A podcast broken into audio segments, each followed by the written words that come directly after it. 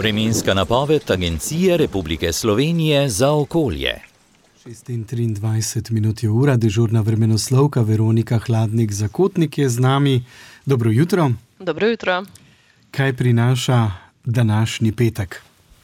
Ja, današnji petek prinaša pravzaprav še najbolj oblačno in deževno vreme, padavine se že širijo od juga, tako da sploh do povdne posod oblačno deževno, popovdne pa bodo te padavine že slabele in do večera od juga tudi ponehale.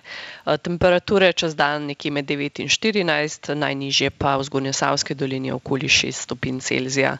Prihodnji dnevi, torej soboto, nedeljo, ponedeljek, bo bolj tak, bi lahko rekli, že kar aprilski tip vremena, tako da tako spremenljivo oblačno vreme, torej tudi nekaj sončnih žarkov vmes, pa iz te oblačnosti občasno kakšne krajevne plohe.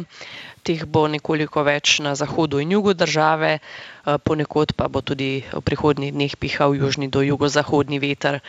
Temperature tudi v naslednjih dneh podobne današnjim, tako da jutranje nekje okoli pet stopinj, najvišje dnevne pa pravzaprav celo bliže petnajst kot deset stopinjam, no, pravzaprav danes recimo vseeno ob tem bolj oblačnem vremenu, nekaj stopinj nižje temperature, bi lahko rekli, kot prihodnjih dneh.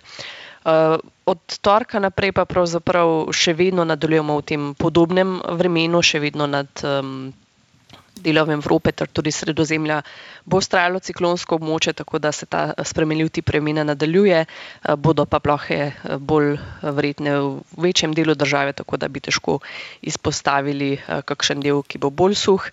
Tako da ja, pravzaprav recimo kar naslednjih desetih dneh torej vseeno več oblačnosti kot sonca, pa vsaj ponekod nekaj dežja, no. Tako da smo res zakorakali v bolj ta aprilski tip vremena, bi lahko rekli.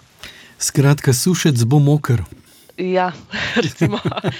Bomo videli sicer, koliko se bo teh padavin nabralo, a ne, vseeno gre za krajevne plohe, tako da lahko, da bo marsikje vseeno tudi ostalo precej suho.